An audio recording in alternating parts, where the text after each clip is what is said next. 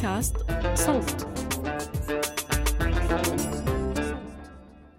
كان يا مكان في بعيد البلدان ملك يسهر ولا ينام إلا على قصص الإنس والجان.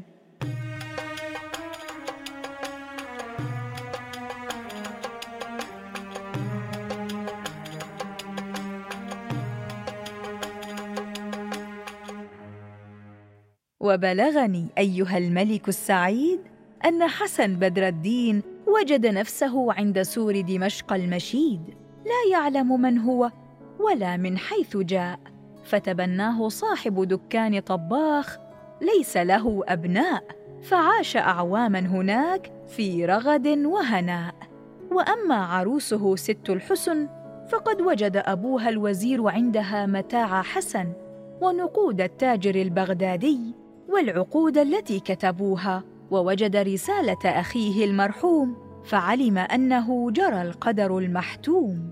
وكانت ست الحسن قد حملت من حسن بدر الدين وأنجبت ولدا لم ير أجمل منه في العالمين. وعايره الأولاد بأبيه المختفي وسخروا منه فأخبر أمه وجده فأقسموا أن يسافروا بحثا عنه. فتوقفوا ليستريحوا في دمشق فدخل الفتى ليرى السوق فتاه فساقه القدر كي يجد أباه. فلما وقف عجيب أمام دكان أبيه ووقف معه الخادم نظر حسن بدر الدين إلى ولده فأعجبه وحن إليه فؤاده وتعلق به قلبه وكان قد طبخ حب رمان باللوز والسكر فقدمه إليه فأكلاه. آنستمان يا سيدي؟ كلا هنيئا مريئا. أقعد وكل معنا يا عم. لعل الله يجمعنا بوالدي. وقد خرجت أنا وجدي نبحث عنه في البلاد. فأكلوا جميعا إلى أن اكتفوا. ثم قام عجيب وخادمه وخرجا من دكان حسن بدر الدين. فأحس حسن أن روحه فارقت جسده وغادرت معهما. فلم يستطع أن يصبر فأقفل الدكان وتبعهما وهو لا يعلم أن عجيب ولده. وأسرع في مشيه حتى لحقهما قبل أن يخرجا من باب المدينة. فالتفت الخادم وسأله عن سبب لحاقه بهما فقال له حسن بدر الدين إن عنده امرا يقضيه خارج المدينة. فغضب الخادم وقال لعجيب إن هذه أكلة مشؤومة وها هو الطباخ يتبعنا. فالتفت عجيب فرأى الطباخ فاغتاظ واحمر وجهه. دعه يمشي في طريق المسلمين. فإذا خرجنا إلى خيامنا وخرج معنا عرفنا أنه يتبعنا حقا فنطرده. ثم مشى عجيب والخادم وراءه فتبعهما حسن بدر الدين إلى موضع خيام الوزير فالتفتا ورأياه خلفهما. فغضب عجيب وخاف أن يخبر الخادم جده فازداد غضبا فأخذ حجرا وضرب به والده. فوقع الحجر على جبينه فبطحه. فوقع حسن بدر الدين مغشيا عليه. وسال الدم على وجهه وسار عجيب هو والخادم إلى الخيام. وأما حسن بدر الدين فإنه لما أفاق مسح دمه وقطع قطعة من عمامته وعصب بها رأسه ولام نفسه. أنا ظلمت الصبي عندما أغلقت دكاني وتبعته حتى ظن أني سارق أو محتال. ثم رجع حسن بدر الدين إلى الدكان واشتغل ببيع طعامه. وأما عمه الوزير شمس الدين الذي كان قد وضع رحاله في دمشق ليرتاح ويملأ المؤن قبل أن يكمل طريقه إلى البصرة فإنه أقام في دمشق ثلاثة أيام ثم رحل حتى وصل إلى مدينة البصرة فدخلها فلما استقر فيها دخل إلى سلطانها. واجتمع به فأكرمه السلطان وأخبره أن زوجة أخيه ما زالت حية وهي تعيش في بيت أبيها. فلما سمع الوزير شمس الدين ذلك من السلطان فرح وطلب أن يجتمع بها فأذن له السلطان وأمر بأخذه إليها. فلما وصل إلى مسكنها سمع بكاءها وكانت في مدة غيبة ولدها حسن بدر الدين قد لزمت البكاء والنحيب ليلا نهارا. فلما طالت عليها المدة صنعت لولدها قبرا من الرخام في وسط القاعة وصارت تبكي عليه ليلا نهارا ولا تنام إلا عند ذلك القبر. فدخل الوزير شمس الدين عليها وسلم وأعلمها أنه أخو زوجها. أخبرها بما جرى وحكى لها القصة وأن ابنها تزوج ببنته ثم اختفى وأن ابنته حملت وولدت ولدا وسمته عجيب. ثم إن الوزير أرسل إلى عجيب ليحضره فلما حضر قامت له جدته وعانقته وبكت فقال لها شمس الدين أن تجهز نفسها للسفر معهم إلى ديار مصر. عسى الله أن يجمع شملهم وشمل حسن. فقالت سمعا وطاعة فنهضت وجمعت جميع أمتعتها وتجهزت في الحال. ثم طلع الوزير شمس الدين إلى سلطان البصرة وودعه فبعث معه هدايا وتحفا إلى سلطان مصر. وسافر الوزير وزوجة أخيه ولم يزل سائرا حتى وصل إلى مدينة دمشق. فنزل خارج المدينة ونصب الخيام وأخبر من معه أنهم سيقيمون بدمشق اسبوعا كي يشتروا للسلطان الهدايا والتحف. ودخل عجيب على جدته أم والده حسن بدر الدين فقبلته وتذكرت حسن بدر الدين.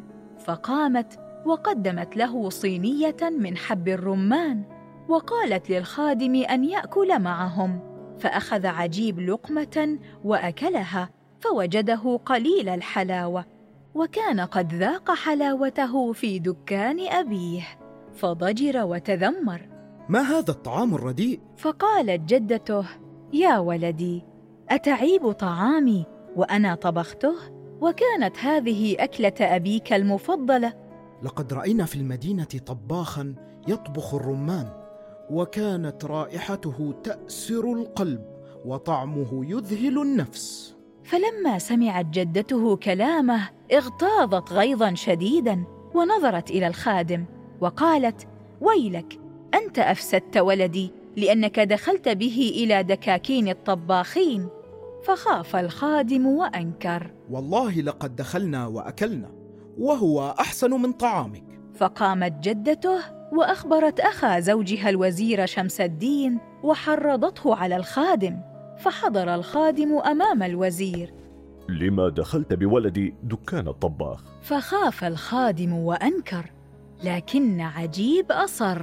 بل دخلنا وأكلنا من حب الرمان حتى شبعنا وسقانا الطباخ شرابا بالثلج والسكر. فغضبت أم حسن بدر الدين وقالت لا بد أن تذهب إلى هذا الطباخ وتجيء لنا بصحن من حب الرمان من الذي عنده وتريه لسيدك حتى يقول أيهما أحسن وأطيب.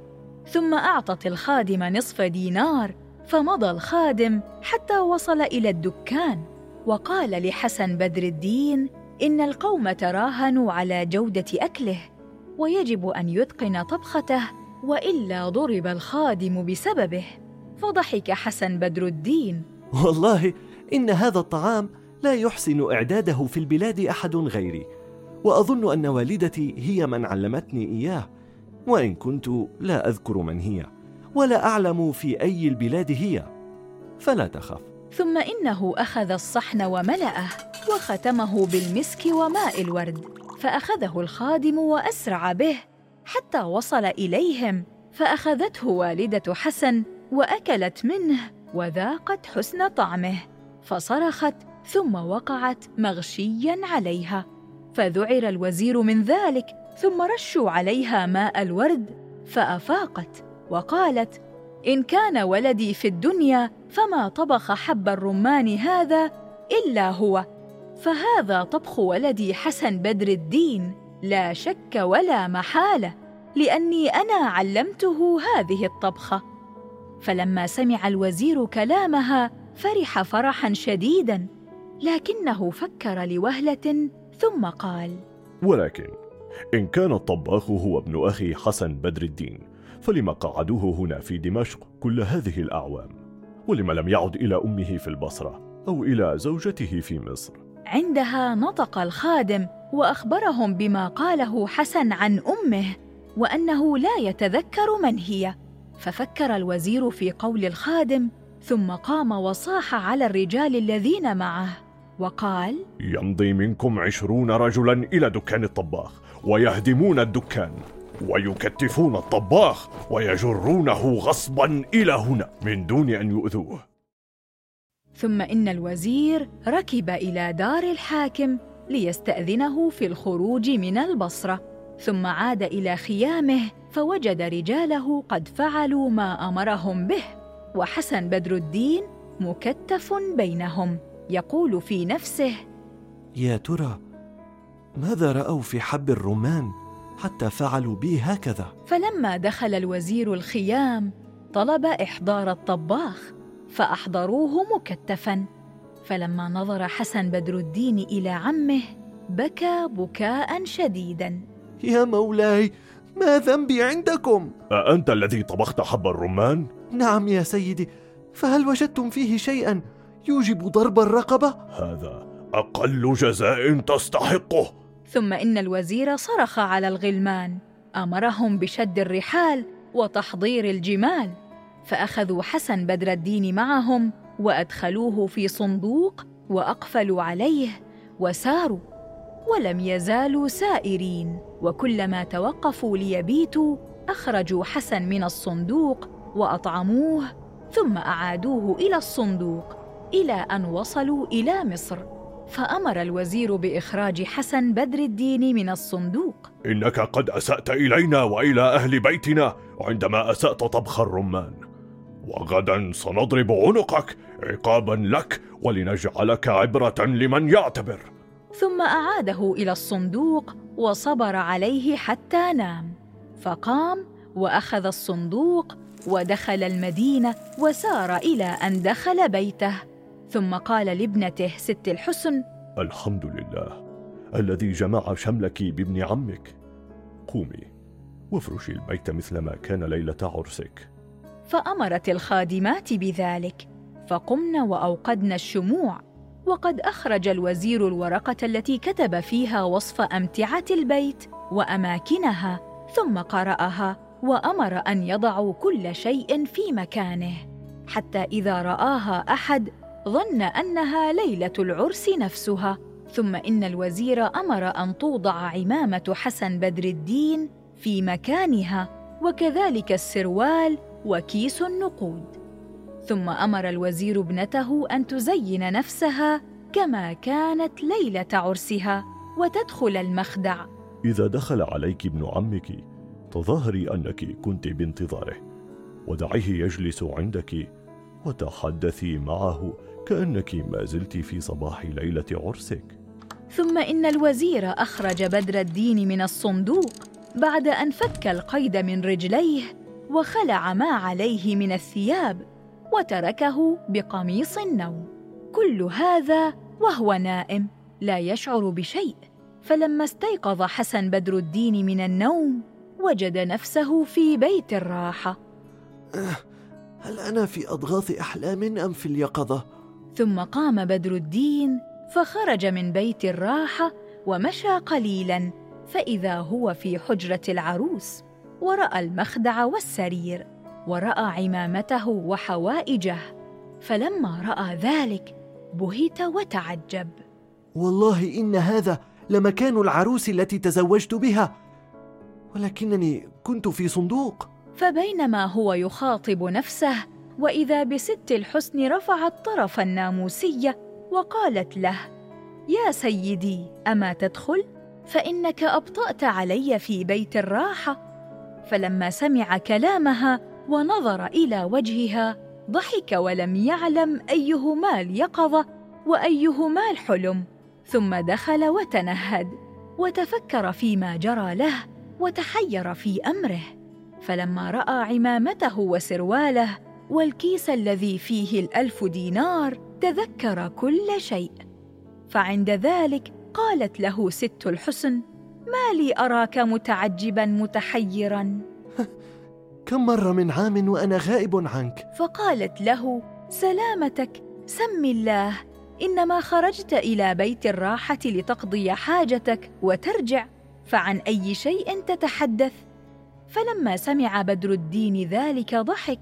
صدقت ولكنني لما خرجت من عندك غلبني النوم في بيت الراحة فحلمت أنني كنت طباخا في دمشق. وأقمت بها عشر سنين وكأنه جاءني صغير من أولاد الأكابر ومعه خادم. ثم مسح حسن بدر الدين بيده على جبينه فوجد أثر الضرب عليه فقال تعلق قلبي بذلك الفتى فلحقته فرماني بحجر على جبيني. ثم سكت لوهلة وقال وكأني رأيت في المنام أني طبخت حب رمان فلم أتقن طبخه فأرادوا ضرب عنقي فضحكت ست الحسن وضمته إليها. ثم أمرت له بطعام ونادت أباها. فدخل عليه عمه الوزير شمس الدين فسلم عليه. فنظر له حسن بدر الدين وقال بالله عليك ألست أنت الذي أمرت بتكتيفي وتخريب دكاني من أجل حب الرمان الذي لم يعجبك؟ فضحك الوزير وقال أعلم يا ولدي أنه ظهر الحق وبان فأنت ابن أخي وزوج ابنتي. وما فعلت ذلك إلا لأن الخادم أخبرنا أنك لا تذكر من أنت أو من حيث أتيت فأردت أن أرعبك ثم أريك حجرة عروسك كما كانت ليلة عرسك. لعل ذاكرتك تعود إليك. فخر حسن بدر الدين على الأرض يبكي. ويلي لقد تركت أمي وحيده في البصرة. بعد وفاة أبي. لا تخف يا ولدي فإني جئت بها معي من البصرة. فلما سمع حسن بدر الدين كلام عمه فرح وعانق عمه وبكى من شدة الفرح ثم إن الوزير أرسل إلى عجيب. فلما رآه حسن بدر الدين أخبره الوزير أنه ابنه فاحتضنه ثم دخلت عليهم والدته واحتضنهما الاثنين فبكوا جميعا. ثم إن والدته حكت له جميع ما وقع لها بعده وحكى لها جميع ما قاساه هو فشكروا الله على جمع شملهم. ثم إن الوزير طلع إلى السلطان وأخبره بما جرى له فتعجب وأمر أن يؤرخ ذلك في السجلات ليكون حكاية على مر الأوقات.